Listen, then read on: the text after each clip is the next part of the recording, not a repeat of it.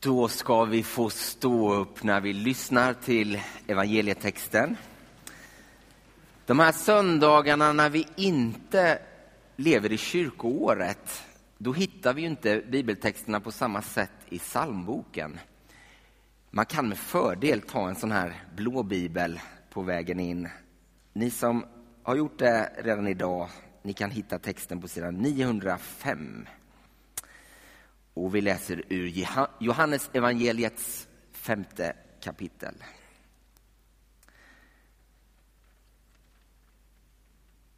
Sedan inföll en av judarnas högtider och Jesus gick upp till Jerusalem.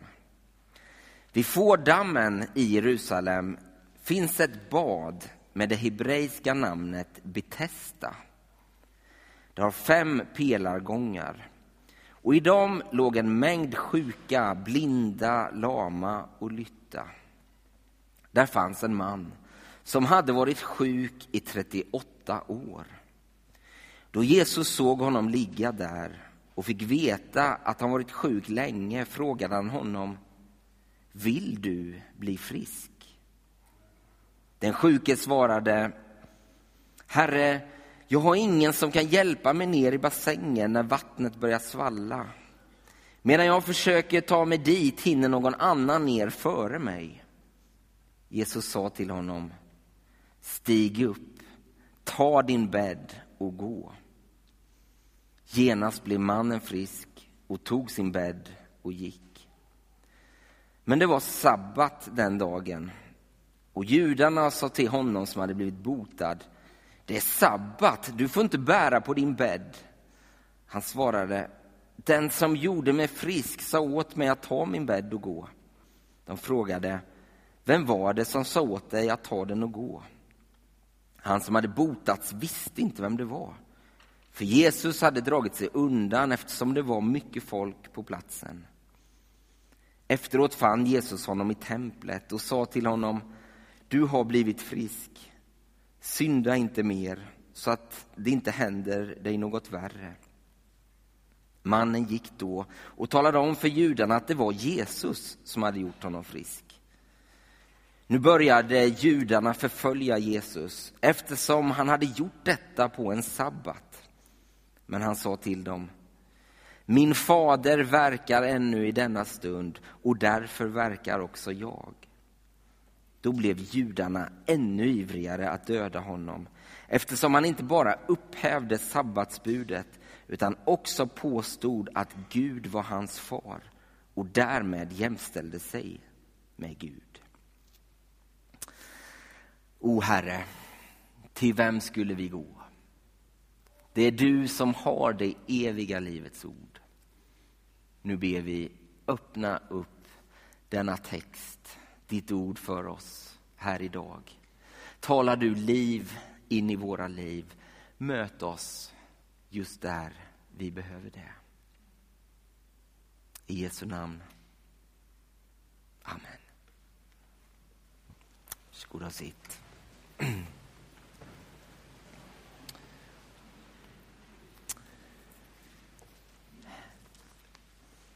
För er som inte har firat gudstjänst här de senaste söndagarna så vill jag berätta att vi är inne i en gudstjänstserie, fem stycken söndagar, när vi tar vår utgångspunkt i det som är vår församlings väldigt nyantagna vision och inriktning. Ni kommer kunna se den här på väggen bakom mig alldeles strax. I vår vision så säger vi en kyrka för hela livet där mötet med Jesus Kristus förvandlar mig, dig och världen. Och Det här är nu en gemensam vision för hela den kyrka som vi tillhör, Ekumeniakyrkan. Och vi har valt att knyta an till den också lokalt här. Och så i den här gudstjänstserien nu så vill vi ställa oss frågan hur förvandlade mötet med Jesus Kristus människor i Bibeln Och hur kan han göra det idag? Också i våra liv. Till den här visionen så har vi också gjort ett tillägg. Jag förstår att det är lite liten text för er som sitter långt bak nu. Men lyssna ska ni få höra. Vi är en kristen församling där vi tillsammans vill växa i kärlek till Gud, människor och hela skapelsen. När vi tar emot Guds nåd och gåvor kan vi dela med oss av budskapet om Jesus Kristus. Det vill vi göra i ord och handling för vår medmänniska i Linköping och världen. Visst är det fint? När man ser eller hör sådana här formuleringar så kan de ju tyckas väldigt självklara. Men jag kan lova er att det har varit en lång process för församlingen att landa i de här orden. Både i vision och inriktning. Ett av de samtal som har förts, och då särskilt kring visionsformuleringen, detta med att, att bli förvandlad. Det var att vi vill ju på intet sätt, och här vet vi att vi har ett rykte, en historia att på något sätt förhålla oss till. Men vi vill ju på intet sätt att det ska uppfattas som att kommer man till tro och närmar sig en församling, då måste man framför allt få förstå att man duger inte som man är, utan man måste förändras, man måste bli något annat. Man måste in i den här präktiga kristna ramen. Som ni förstår, så vill vi inte att vår vision ska uppfattas. Därför vill jag börja med att bara tänka tillsammans med er.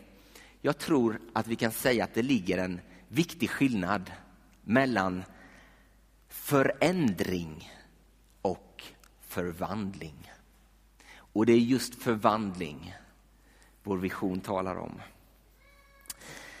Här har ju olika teologer, olika kyrkliga traditioner haft lite olika bild av vad som liksom är människans grundläge, grundposition också i förhållande till Gud.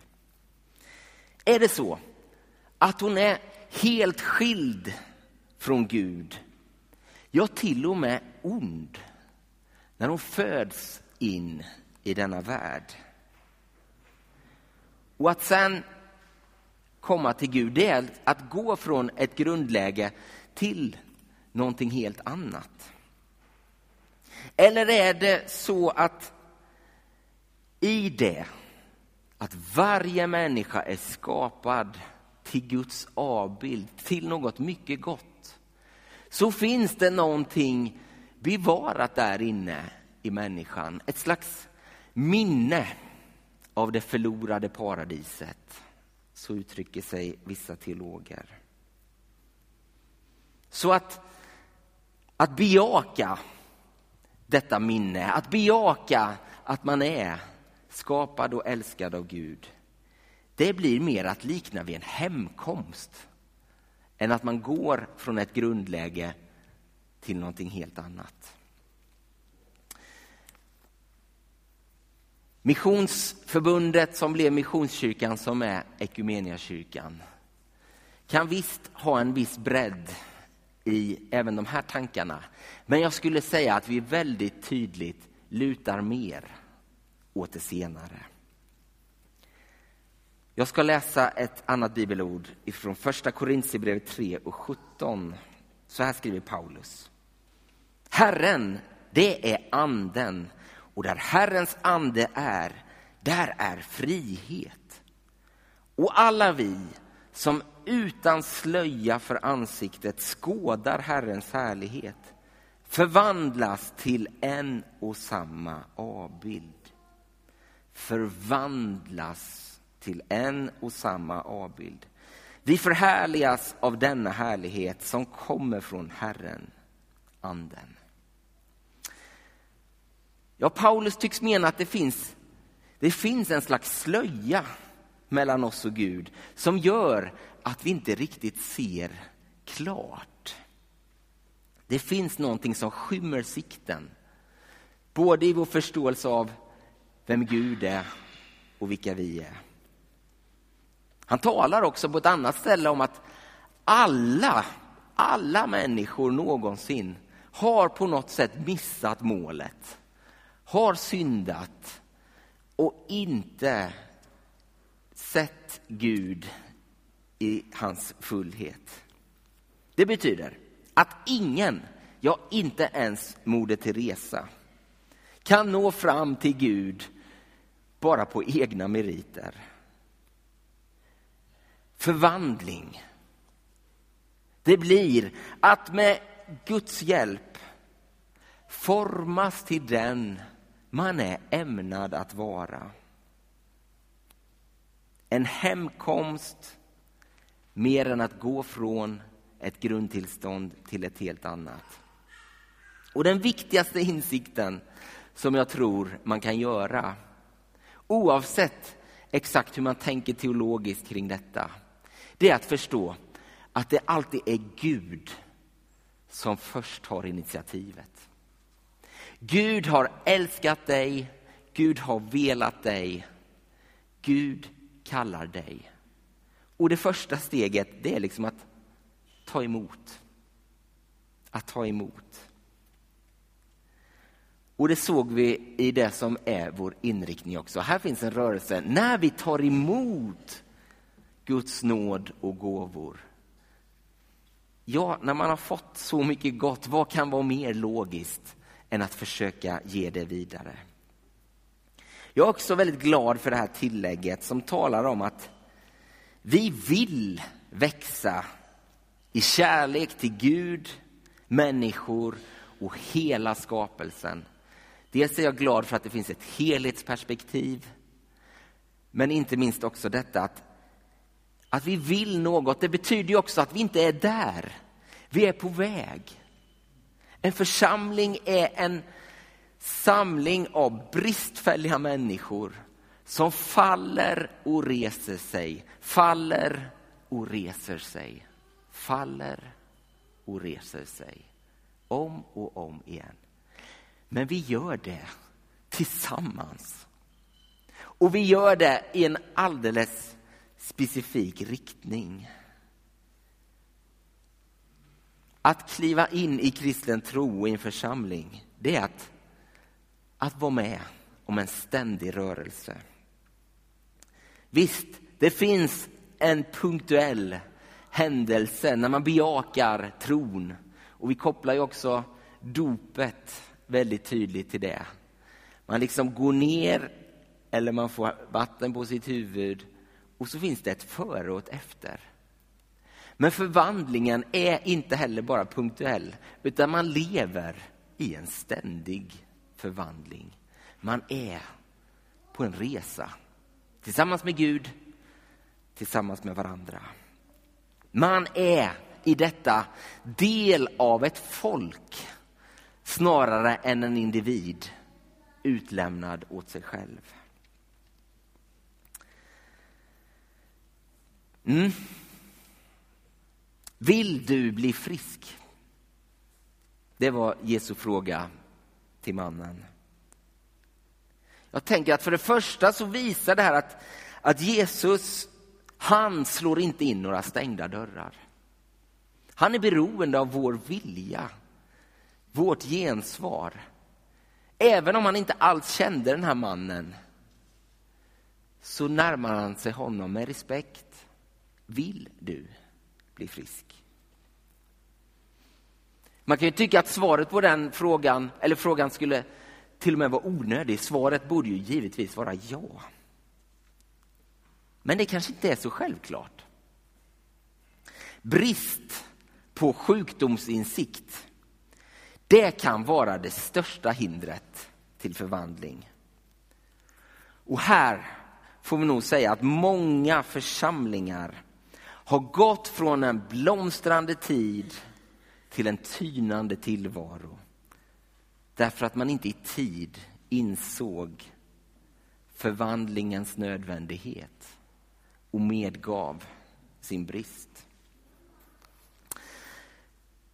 Den allra första frågan jag ställde i mötet med den person som ansvarade för den tjänst, pastorstjänst som sen blev min. Den allra första frågan jag ställde till honom på ett café i Stockholm, det var hur ser sjukdomsinsikten ut i Linköpings missionsförsamling? För jag tänkte att finns det inte en sån, då finns det ju inte så mycket annat att göra än att förvalta någonting. Och det var jag inte jätteintresserad av. Och jag tror fortsatt, så här snart sex år senare från när den där frågan ställdes, att vara en församling, det är att i allra högsta grad vörda, ära och vårda det som andra har byggt upp. Men samtidigt aldrig rädas frågan, hur ser vår brist ut? Vad kan vi göra mer? Hur kan vi nå längre? För vi vill ju växa. Och det kräver också en slags insikt om att nej men där vi är nu, där kan vi inte bli kvar. I alla fall på vissa områden. Den sjuke mannen vid Betesda-dammen, han satt ju verkligen fast i sin form. Han var övertygad om att om han bara hann först ned till vattnet när det började röra på sig, då skulle han bli frisk. Någonstans får man ju ändå beundra hans uthållighet. 38 år. Men han kanske borde ha ställt sig frågan någonstans, finns det kanske ett annat sätt att leva sitt liv på? Fanns det kanske ett annat sätt till helande och läkedom för honom? Den som nu följde med i vår bibelläsning och som har sinne för detaljer. Ni kanske noterade att det saknades faktiskt en vers i det vi läste. Det gick direkt ifrån vers 3 till vers 5. Vart tog vers 4 vägen? Ja, den finns med i lite senare texter i det som blev vår bibel. Men i det mer ursprungliga så är det inte där. Men det som står i den, det är Ty en ängel från Herren steg då och då ned i bassängen och rörde upp vattnet. Och den första som steg i vattnet sedan det hade rörts upp blev frisk, vilken sjukdom han än hade. Det var liksom tanken med att hamna först i vattnet.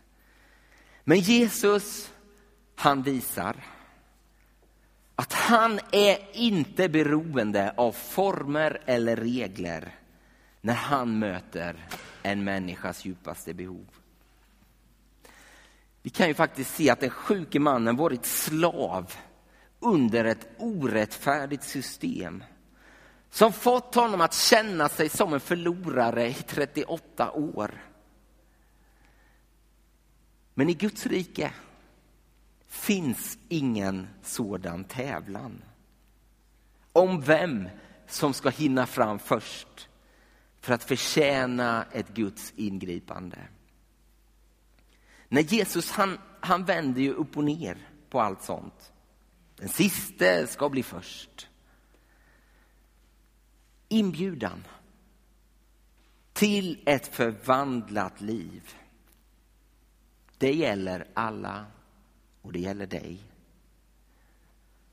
Och kanske du skulle reflektera en stund över idag.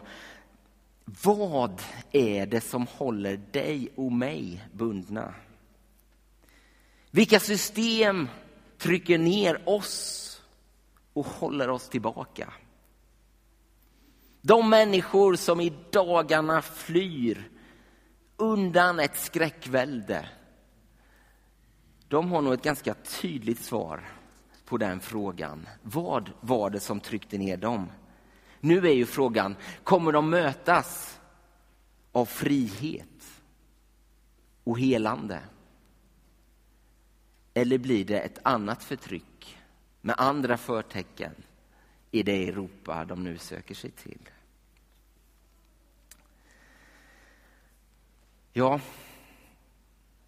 sabbaten, detta att hålla lördagen helig, att inte anstränga sig eller göra något arbete. Om det säger Jesus på ett annat ställe, sabbaten är till för människan och inte människan för sabbaten. Jesus visar i det här undret såväl medlidande som att han bekräftar sin identitet som att han är ett med Gud. För gör han sig till herre över sabbaten, då gör han ju det Gud gör. Det var ju det anspråket som stack så i ögonen på den religiösa eliten. Inte heller de var särskilt öppna för en sjukdomsinsikt. Nej, enligt Jesus så lastar de på människor bördor men lyfter inte själva ett finger för att hjälpa dem.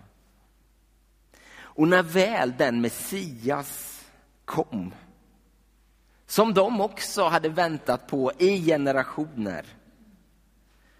Då är de mer fästa vid på vilket sätt han bröt mot lagen än allt det liv och den frihet som följde i hans fotspår.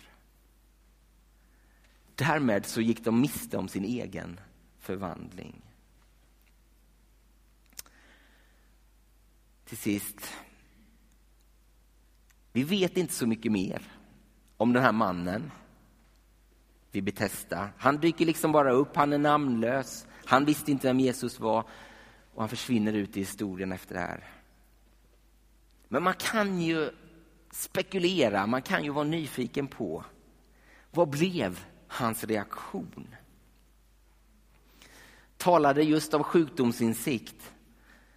finns ju också någonting som kallas för sjukdomsvinst.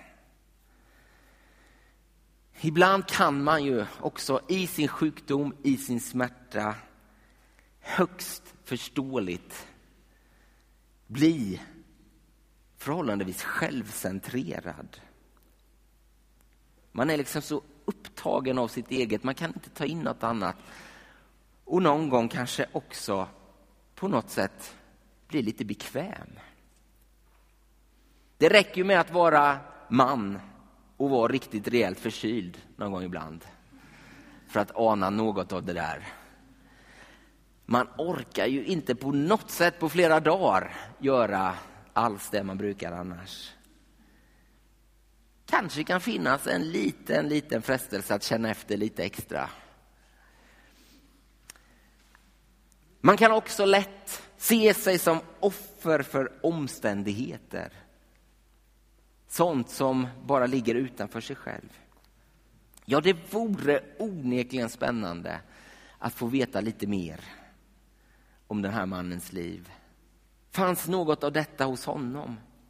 Lyckades han kliva in i en ny självbild som ensam var kapabel att göra långt mycket mer än att bara vänta på att bli först ner i dammen i 38 år.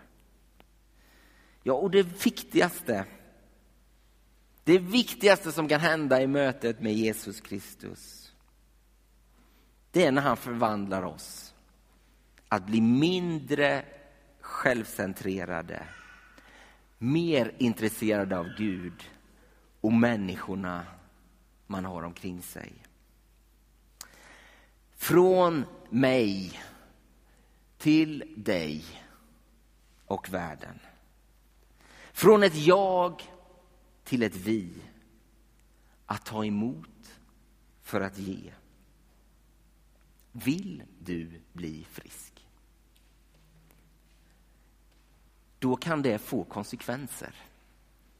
För vilka som bjuds in i mitt hem. Vad man gör med sin tid. vad man gör med sina pengar, hur man ser på och agerar för den som är utsatt och inte minst sjuk. Ja, det är inte säkert att man får ett enklare liv när man utsätter sig för att bli förvandlad av Jesus Kristus. Men jag vågar påstå, man får ett rikare liv. Långt mindre ensamt. Och mötet med Jesus Kristus, det förvandlade den sjuke mannen vid Betesda. Och det kan i detta nu förvandla, fortsätta förvandla mig, dig och världen.